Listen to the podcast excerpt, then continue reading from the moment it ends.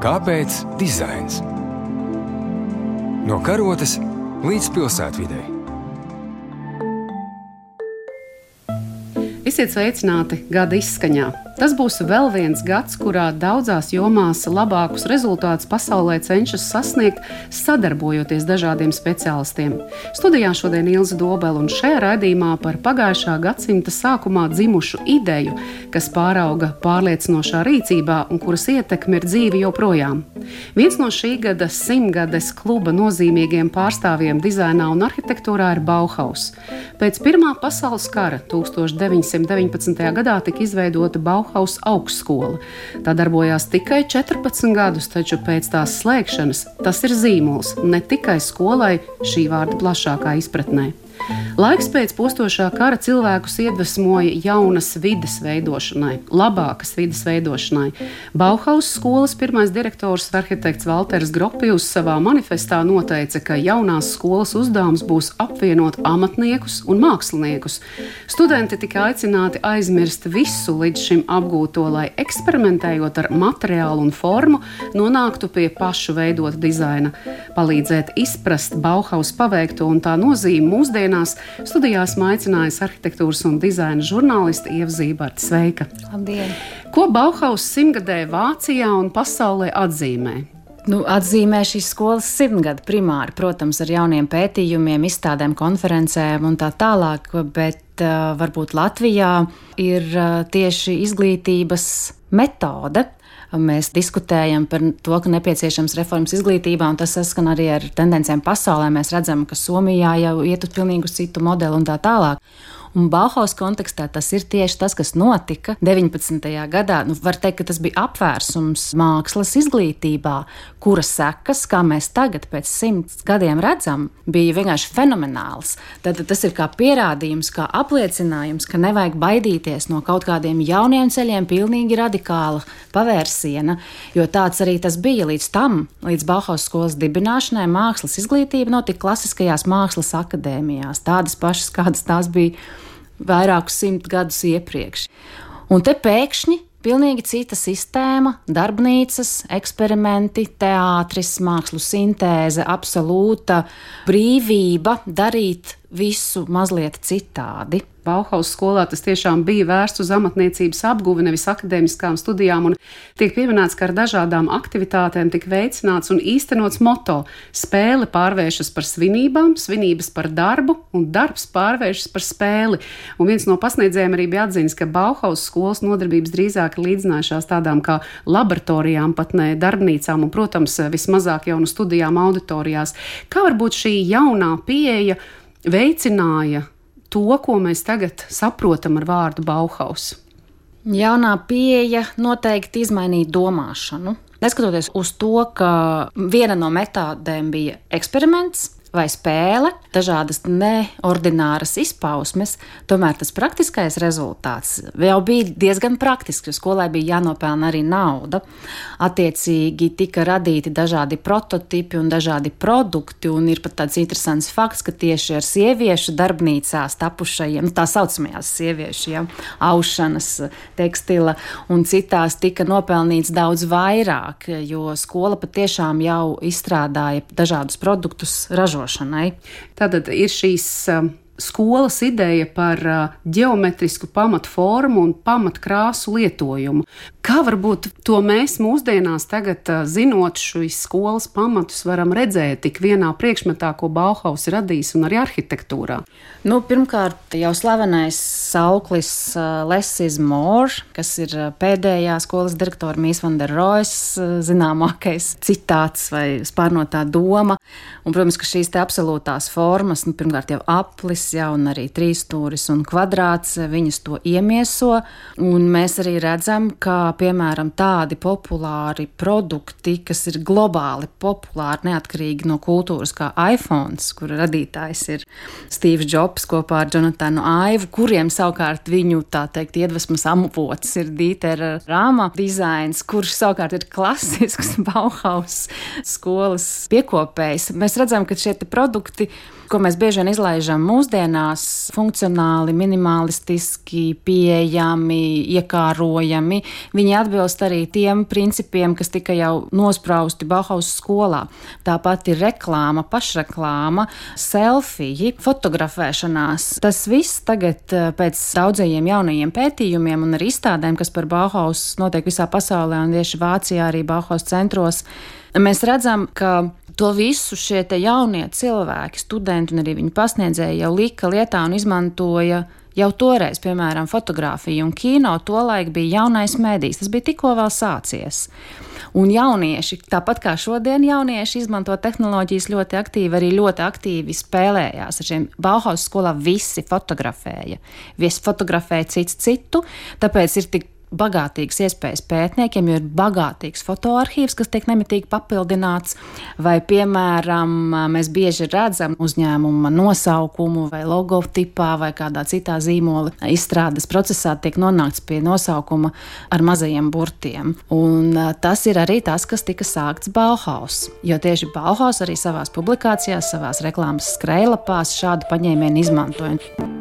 Bet kas varētu būt šo visu ideju veiksmes pamatā? Nu, cik uh, var spriest pēc apkopotās literatūras, tad cilvēki, kas ir strādājuši, tur ir bijuši pirmkārt arī dažādu jomu pārstāvi, ļoti spēcīgas personības. Un varbūt tieši šajā viedokļu sadursmē dzīvo tās neordinārās mm. idejas, bet tajā pat laikā spēja arī būt tolerantiem vienam pret otru. Tur ir vairāki komponenti, bet viens no tiem arī būšana īstajā laikā, īstajā vietā. Jo tas ir laiks pēc Pirmā pasaules kara. Pirmā pasaules kara gados, lai nodrošinātu militāro tehniku un visu pārējo, visi resursi tika tērēti karam, un notika ļoti daudz izgudrojumu tieši tehnoloģiju un tehniskajā ziņā. Gaisā jau virmoja kaut kādas jaunas lietas, Uz to tikai vajadzēja rēģēt un to visu attīstīt. Visi zina, ka Berlīna 20. gados bija Eiropas epicentrs. Tas bija tas, kas varbūt šodien ir Ņujorka, Londona, Parīze vai viss kopā. Tur notika visprogresīvākās lietas, kā mākslā, tā dejā vai vēl kaut kur citur. Tāpat šeit bija ļoti daudz emigrācijas pārstāvju, gan no bijušās Krievijas impērijas, gan no citām vietām. Vide bija ļoti multikulturāla, un kā mēs zinām, multikulturālā vidē ir vieglāk radīt, jo ir mazāk aizspriedumu, ir lielāka iekļaušana un tā tālāk. Protams, Tas vēl bija tāds agrīns laiks, vai ne? Un mēs redzam, ka tomēr sievietēm sava vieta arī tur bija jāizcīna, bet tā jau bija platforma, kur ļoti daudzas sievietes profesionāli varēja izcelties. Ja mēs runājam nevis par to idejas dzimšanu, bet par tādu transformāciju jau vairāk sasniegumos, Kuri varbūt ir tie ražīgākie gadi tieši tādās arhitektūras un dizaina izpausmēs, ja mēs mērojam varbūt to 14 mm -hmm. gadu posmu tieši skolas laikā? Nu, es teiktu, noteikti desavas posms. Tātad skola pastāvēšanas gados atradās trijās vietās, tika dibināta Veimārā un pēc tam pārcēlās uz Desavu. Un pašās, pašās beigās īsu brīdi pēc slēgšanas, var teikt, jau bija arī Berlīnē. Desavu savukārt tajā laikā strauji uzplauka kā industriāla pilsēta un attiecīgi Pilsētas vadība bija tik gudra, ka saprata, ka uzņemot pie sevis šādu te skolu, arī viņi varētu savas pilsētas pozīcijas nostiprināt. Un tas bija pareizs lēmums, jo, protams, ka Desava ir arhitektūras turisma nu, top 5, nu, pilnīgi noteikti. Un uh, Desavā tika arī uzbūvēts skolas komplekss, šī ikoniskā mācību ēka un arī pasniedzēja ēkas, kas faktiski visus šos gadus arī Desavu ir padarījuši par arhitektūras turisma galamērķi. Un šajā te vidē arī visaktīvāk varēja realizēt eh, skola savu programmu, un arī šajā laikā papildu spēki nāca klāt. Protams, arī visi lielie mākslinieki, kā Pols Klē, Vasilijs Kandinskis, eh, Lāslo Mahovs, Nāģis, un nu, tie ir tādi vārdi, ja kas komentārus neprasa. Kāpēc dizains? No karotes līdz pilsētvidē.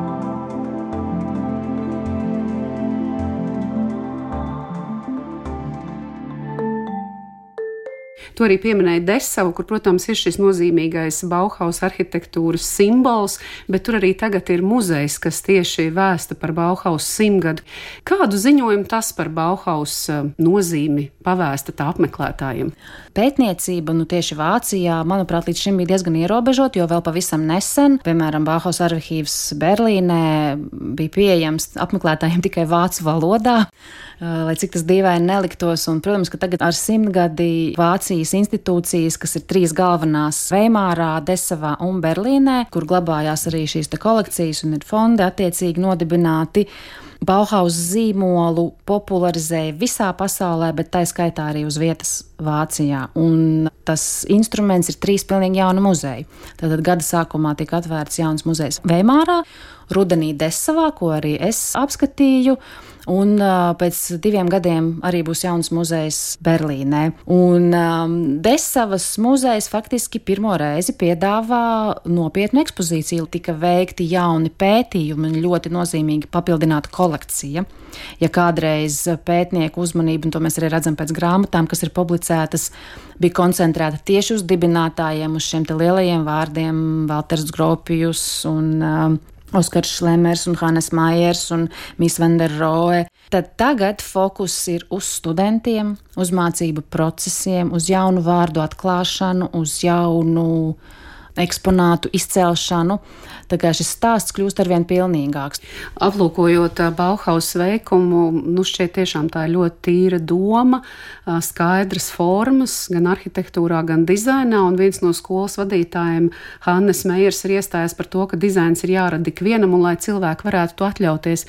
Tomēr mūsdienās šķiet, ka tur, kur ir Bauhaus kvalitātes zīme, tas ir nu, savā ziņā pakāpe augstāk nekā ikdienišķais dizains. Vai varbūt mēs vienkārši neprotam novērtēt Bauhaus atstātu ietekmi uz eh, lietām, kuras mēs jau uzskatām par pašsaprotamām? Nu, ja runa ir par tiem artefaktiem un modeļiem, ko ir darinājuši paši Bauhaus meistari, protams, viņu darbi mūsdienās vairs nav nopērkami par tādām demokrātiskām cenām, varētu pat teikt tā, paviesojoties kaut vai tajā pašā Bauhaus eh, muzeja veikaliņā. Un tur arī ir piedāvājums, kur Bauhaus idejas ir eh, īstenojuši mūsdienu mākslinieki. Mēs jau redzam to kvalitātes, eh, satura un formas saistību ar cenu. Un viņa, manuprāt, ir ļoti, ļoti adekvāta. Mūsdienās un arī Bauhaus laikā svarīgs bija ilgspējības jautājums. Mēs nepērkam lietas vienai dienai. Mēs pērkam lietas, lai tās kāpotu visu mūžu. Bet um, masu ražošanas idejas, labāka, funkcionāla interjera dzīves, bez detaļām, bez liekām lietām, šie principi, viņi jau ir ļoti demokrātiski un pieejami un saprotami arī mūsdienās. Un tas, zināmā mērā, arī veido droši vien citādāk domājošu sabiedrību, kuri šo visu lietoja, uztvēra un šo filozofiju tālāk turpināja. Vai tev ir zināmi arī šie principi, kas parādījās līdz ar šo Bauhaus skolu, kas sabiedrībā bija? Varbūt to varam piesaistīt pie šīs eh, Pilnīgi ideoloģijas. Noteikti, absolūti. ķermeņa kults, sportisks, veselīgs ķermenis, tas ir viena no Bauhaus mantrām. Bet te arī man ir jāsaka par to īstais laiks, īstā vieta. Tas bija vispār, ja tas ir arī Koko Šaneles ziedu laiks, ja tad viņai arī bija šis princips par veselīgu, tvirtu, jauneklīgu ķermeni, kas nav iegrožots korsetē. Kaut gan tāpat savā ziņā nav viņas ideja. Šie atlētiskie studentu ķermeņi arī ļoti daudz ir fotografēti. Tā bija tāda nu, atlētisms, spartisks un sportisks dzīvesveids, bija daļa no Bauhaus filozofijas.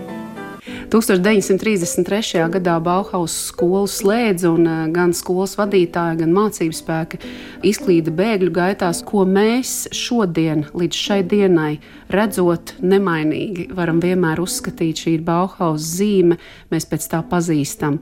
Vai tās ir noteiktās formas, vai tās ir noteiktās ēkas vai līnijas, kur mēs to redzam joprojām. Bauhaus skolotāji un studenti izbrauc kopā uz 29 valstīm, ir skaidrs, ka tā ietekme izplatījās globāli. Uh, no arhitektūras un dizaina vēstures kontekstā visvairāk tā, protams, ir Amerika, jo tur pārcēlās skolotāji. Un, attiecīgi, Bauhaus arhitektūra transformējās, ja mēs runājam par laiku pēc otrā pasaules kara, jau šajā super, super noteicošajā 20. gadsimta stilā, pēckara modernismā, ko mēs redzam arī mazliet vēlāk pēc staļinisma perioda ienākam arī bijušajā Padomju Savienībā un tā skaitā Latvijā. Nu, un tad mēs skatāmies kādus ikoniskus piemērus, kā piemēram Marta Staņas projektēto Dailas teātri, un tur mēs redzam Bauhaus idejas šo te horizontālo arhitektūras formu, kas ir dominanta, ka mēs pieejam klāt, izstieptās gaišais, dabīgās gaismas izgaismotais, lielais foajē, šīs koplietošanas telpas, robusti apjomi, atsekti materiāli bez apdares. Nu, tas ir tas mantojums.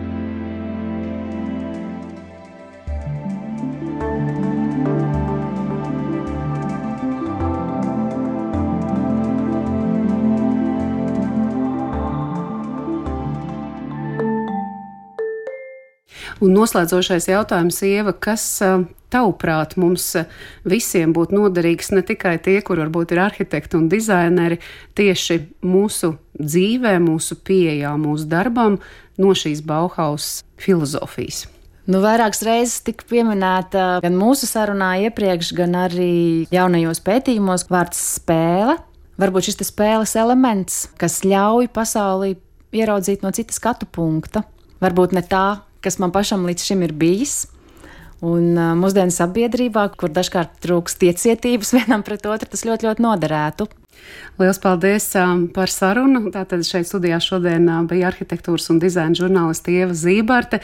Bahaus mācība idejas primāri bija par jaunu domāšanas veidu, tā izpausmēm, kas veidos arī citādu sabiedrību. Un kaut arī otrais pasaules karš pārtrauca skolas darbību, jautājumi, kas tā veidotājiem bija svarīgi pirms simts gadiem, kā es vēlos dzīvot un kā es varu veicināt labāku dzīvi, joprojām ir svarīgi gan mācību un ražošanas metodēs, gan mūsdienīgā dizainā un arhitektūrā gan arī dzīvesveidā kā tādā, lai mums jaunajā gadā katram ir vairākas atbildes uz šiem jautājumiem.